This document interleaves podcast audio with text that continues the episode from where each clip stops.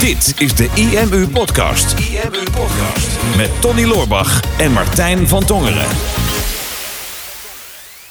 Hoeveel focus moet een bedrijf hebben? Want the most dangerous number in business is one. Wat is het? The most dangerous. Dangerous. Ja, dangerous. most dangerous number in business is one. Ja, het gevaarlijkste getal in een bedrijf is één. Is het zo? Hoezo dan? Dat is een vraag van Charlotte. Oké. eh, voor, voor de podcast. Dus Dus het klinkt meer als een statement. Ja, klopt. Ik denk, het klinkt als een statement van een, eh van een guru of zo. Maar Ja. Ah, ja. ik, ik weet niet van wie. Ik ken, die context ken ik ook niet. Het vraagstukje is natuurlijk best wel klein op Instagram. Maar Ah, ja.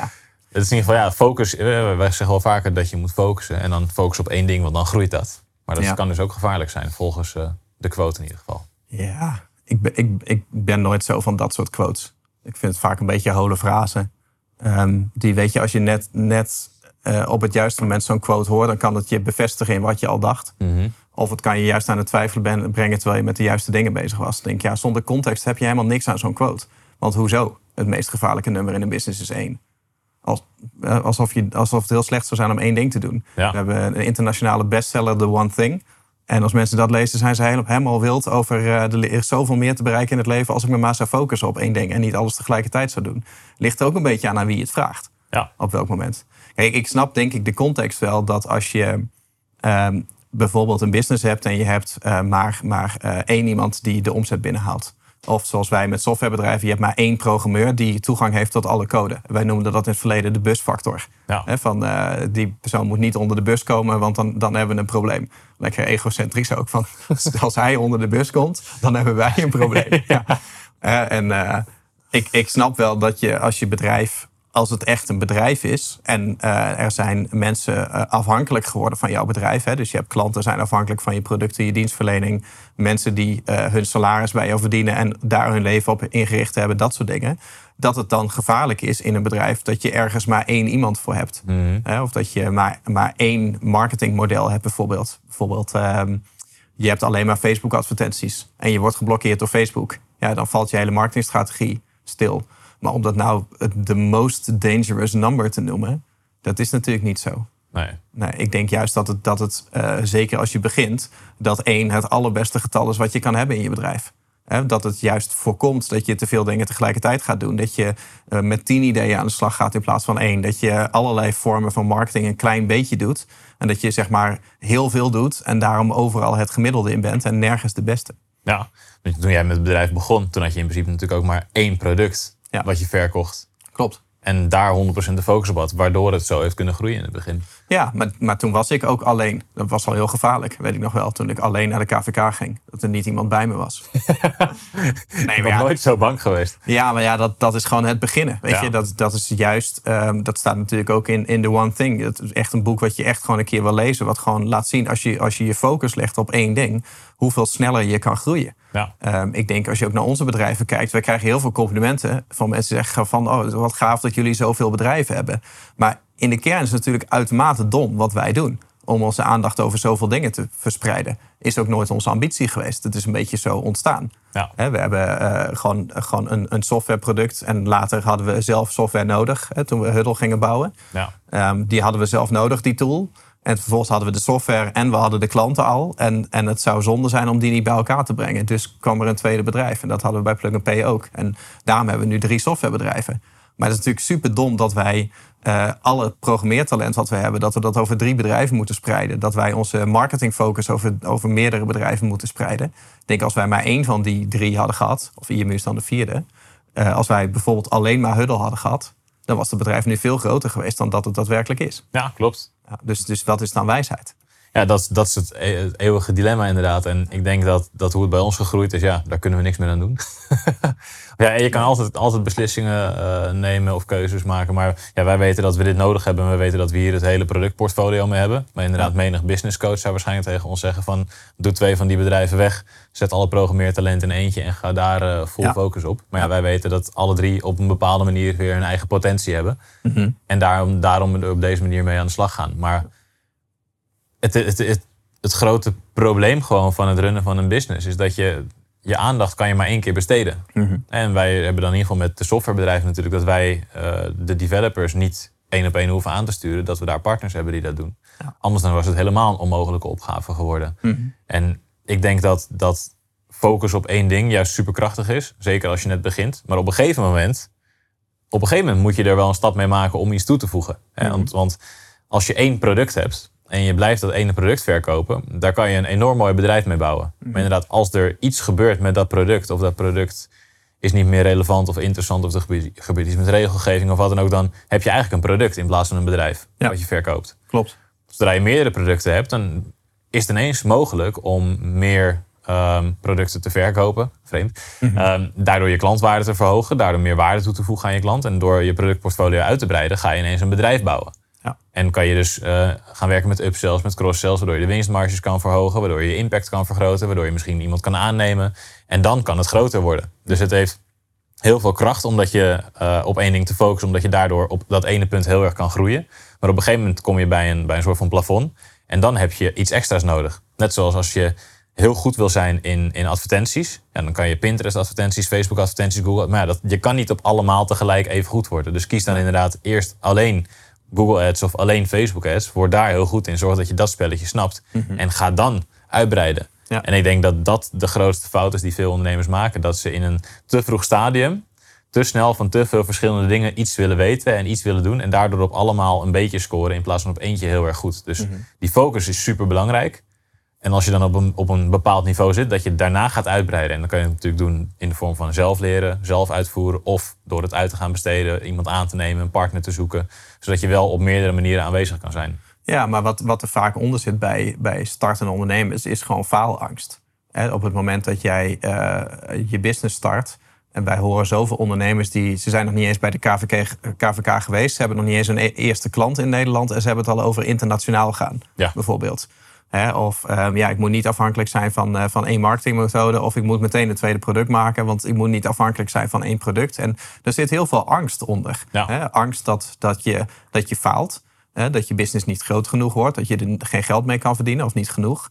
Eh, of misschien zelfs wel succesangst. Hè? Want stel dat je wel heel erg goed wordt in, in één ding. Eh, dan gaat dat ook iets met jou doen. Hè? Dan gaat er ook iets veranderen aan hoe jij je leven eh, leidt. En ehm, hoe je dagen eruit gaan zien. En hoe je als persoon verandert. En het is vaak heel veilig om op de oppervlakte te blijven. En, en zeg maar een plan B te hebben. Of om meerdere dingen tegelijkertijd te proberen. Want dan hou je het heel veilig voor jezelf. Maar ik denk dat als je kijkt naar mensen wereldwijd die echt ergens in excelleren. Kijk bijvoorbeeld naar eh, topsporters. Ja, dat zijn allemaal mensen die één ding doen. Ja. En die hebben geen plan B. Weet je, een, eh, een eh, Sven Kramer, die is echt niet gaan schaatsen met het idee van ik probeer het wel. En eh, als het niet bevalt, dan heb ik wel een plan B. Dat, ik denk juist dat echt excelleren en echt boven jezelf uitstijgen, dat begint met niet een plan B hebben. Volgens mij heeft Arnold Schwarzenegger dat ook een keer gezegd in een, eh, in, een, in, in zo'n donderspeech, geniale speech. Van ja, mensen hebben allemaal een plan B omdat dat veilig voelt. Maar alle energie die je in plan B steekt, onbewust, die gaat ten koste van de energie die je in plan A steekt. Dus je geeft jezelf eigenlijk al toestemming om te falen in plan A. Ja. Door, door plan B te hebben. En ik denk dat zeker als je begint, dat je gewoon een keuze moet maken. En ergens vol voor moet gaan. En, en het liefst je energie zoveel mogelijk wil concentreren op één ding. Alleen er komt inderdaad een punt dat je, dat je bedrijf groter wordt. Ehm, en dan, dan is het een bedrijf en dan staat het. Ehm, en dan wordt het gevaarlijk als het afhankelijk is van bijvoorbeeld één persoon of van één verdienmodel of van één trucje. Ja. Ehm, omdat je ook veel, een veel bredere verantwoordelijkheid draagt. Wij hebben dat natuurlijk eh, eerder dit jaar ook gezien. Dat wij heel snel zijn gegroeid met Plug and Pay. Omdat we eh, makkelijk konden koppelen met Molly. Ja. En toen ineens het gevaar kwam van... hé, hey, misschien werkt dat straks niet meer met Molly. En moeten we gaan uitbreiden met een tweede, eh, tweede payment provider. Ja. Ehm, omdat het bedrijf nu al zo groot is geworden. Maar als we waren begonnen met... oké, we moeten een betaalsysteem bouwen. En ja, mocht er dan iets gebeuren met de partij waarmee we samenwerken... Ja, dan moeten we eigenlijk wel zorgen dat we al twee of drie andere partijen ook hebben. Maar dan waren we veel langer in de development fase geweest.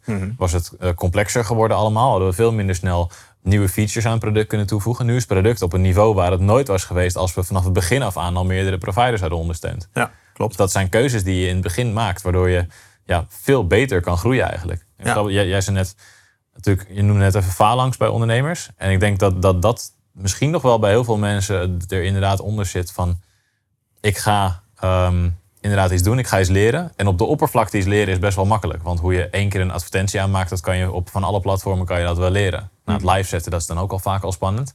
maar inderdaad daar dan echt goed in worden, dan word je op een gegeven moment ook geconfronteerd met je eigen kunde. Van, kan je het wel? Hè, Als jij op één ding focust, kan je wel in dat ene ding echt gaan excelleren? Of is het eigenlijk helemaal niet jouw ding? En we leven nu in een tijdperk waarin in mijn ogen ondernemerschap te veel wordt gehyped. Als je ondernemer bent, dan is alles mogelijk in het leven. Want je wordt alleen gelukkig als je kennelijk heel veel geld verdient op een bepaalde manier als ondernemer. Dat Ja. Kan je niet zijn als je een goed inkomen hebt en je de- een baan hebt waarin je precies datgene doet waar je heel gelukkig van Wat wordt je leuk vindt. Ja. dat, dat is sowieso een probleem in deze tijd in mijn ogen. Maar daarom gaan mensen ondernemen. Gaan ze allemaal dingen een klein beetje proberen. Met inderdaad daaronder een soort van onderliggende angst. Ja, maar als ik dit dan echt heel goed moet gaan doen. Ik weet niet of ik dat wel kan. En dan is het inderdaad veel veiliger om vijf dingen een beetje te proberen. Ehm, zodat je niet ja, hoeft te falen. En dat, je, dat mensen zien dat je heel druk bent. En dat je zelf ook heel druk bent. Want je doet al die verschillende dingen. Ja, dus dat, zit, dat zit er zeker onder. Stel dat je bijvoorbeeld eh, eh, vier ideeën voor bedrijven hebt of vier productideeën. Maar op het moment dat je met één idee aan de slag gaat en die, en die andere doorstreept, dan, dan heb je al een soort van gevoel van verlies, wat het al overneemt. Je had eerst eh 100% potentie in je hoofd van nou, als het allemaal gaat lopen, dit product, en dan ga ik internationaal en ik verover de wereld en je hebt het helemaal in je hoofd hoe het gaat lopen. Ehm, dat, dat voelt heel fijn. En op een gegeven moment zeg je: Oké, van die vier keer 100% potentie schuif ik er drie weg en ik ga er eentje ga ik doen. Dat voelt al als verlies. Ja. Maar stel nou dat je er echt mee aan de slag gaat en je gaat er alles aan doen wat je kan en het lukt niet. Dat is heel pijnlijk. Want dan, dan kan je niet meer terugvallen op een veilige gedachte van... oh, maar ik heb er nog niet alles aan gedaan... of ik had dit nog kunnen proberen of dat nog kunnen proberen. Het is veel veiliger om die confrontatie niet, niet op te gaan zoeken. Ik denk dat, we hebben het in het verleden ook wel eens gezegd op seminars... van je zou een, een heel business seminar kunnen geven aan startende ondernemers... met één PowerPoint slide met het woord focus. Dat is het. Meer, meer heb je echt niet nodig in het begin. Dat, dat is gewoon waar bijna, bijna alles fout gaat. Hè, omdat je gewoon faalt om dat ene ding heel goed te doen... En een, en een beetje van alles en nog wat door elkaar, door elkaar aan het doen bent. Alleen ik denk wel, als je nu naar onze business kijkt... eh, bij ons begint het nu te werken dat het heel veel bedrijven zijn... en dat het allemaal met elkaar schakelt. Maar we zijn ook al elf jaar bezig... Ja. En nu ben ik heel blij dat wij op een gegeven moment die keuze hebben gemaakt om het zo op te bouwen met al die bedrijven. Want het is eh, veiliger. Hè? Als er één software tool faalt, dan, dan hebben we nog twee andere. En eh, we hebben natuurlijk IMU en eh, we hebben een marketingmachine die verschillende kanten op kan. We zijn eigenlijk overal aan het bouwen. Dus, dus vanuit een investeerdersperspectief is het heel gezond wat we nu aan het doen zijn. Maar toch denk ik dat wij nog steeds moeten constateren nu dat we niet efficiënt zijn in, in hoe wij onze marketing doen. Eh, dat heel vaak die bedrijven veel te weinig aandacht krijgen, omdat wij weer met z'n tweeën aandacht op iets anders hebben. Ehm, en ook de marketing die we doen. Hè. Bijvoorbeeld, eh, we zaten hier laatst met uh, Seb te praten over SEO. Ja, jij zult dezelfde pijn hebben gevoeld als ik in Ja, dat gesprek. Van, hè, hij heeft zijn focus gehouden en hij heeft nu 2 miljoen bezoekers per maand. En wij hebben nog steeds net zoveel bezoekers als, eh, als toen hij bij ons wegging. Ja, omdat wij geen focus hebben gehad op dat onderdeel van de klopt. business. We hebben dat maar gewoon laten staan. Dus ik, ik vind dat, en ik zei dat net misschien een beetje streng over eh, eh, de, vraagsteller van dat soort quotes. Ik ga daar persoonlijk niet zo lekker op. Heeft niks met de vragensteller te maken in dit geval. Mhm. Uh, maar ik zie zo vaak van die holle frasen voorbij komen of van die succesquotes. Die ondernemers helemaal op het verkeerde been kunnen zetten.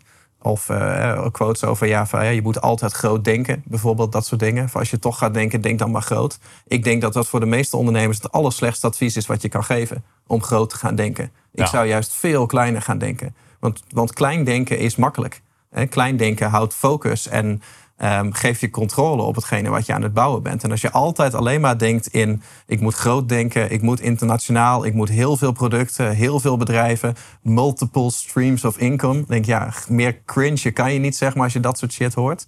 Ik denk dat dat voor startende ondernemers hele gevaarlijke adviezen zijn. Ja, denk ik ook wel. Ik wil iets toevoegen, maar volgens mij is dit gewoon het perfecte einde. Oké, okay, nou, sluit je gewoon af. Ja.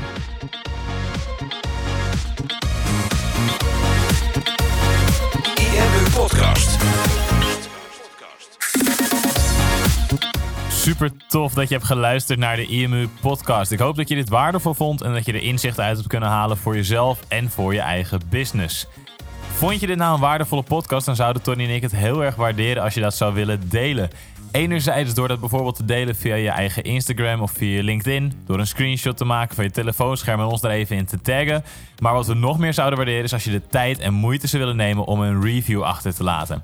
Werk je met een Apple-telefoon, dan kan je dat doen binnen je eigen podcast-app door daar een review te geven. Geef ons een x-aantal sterren met daarbij een korte motivatie wat je van onze podcast vindt. Zouden we echt enorm waarderen als je die tijd zou willen nemen.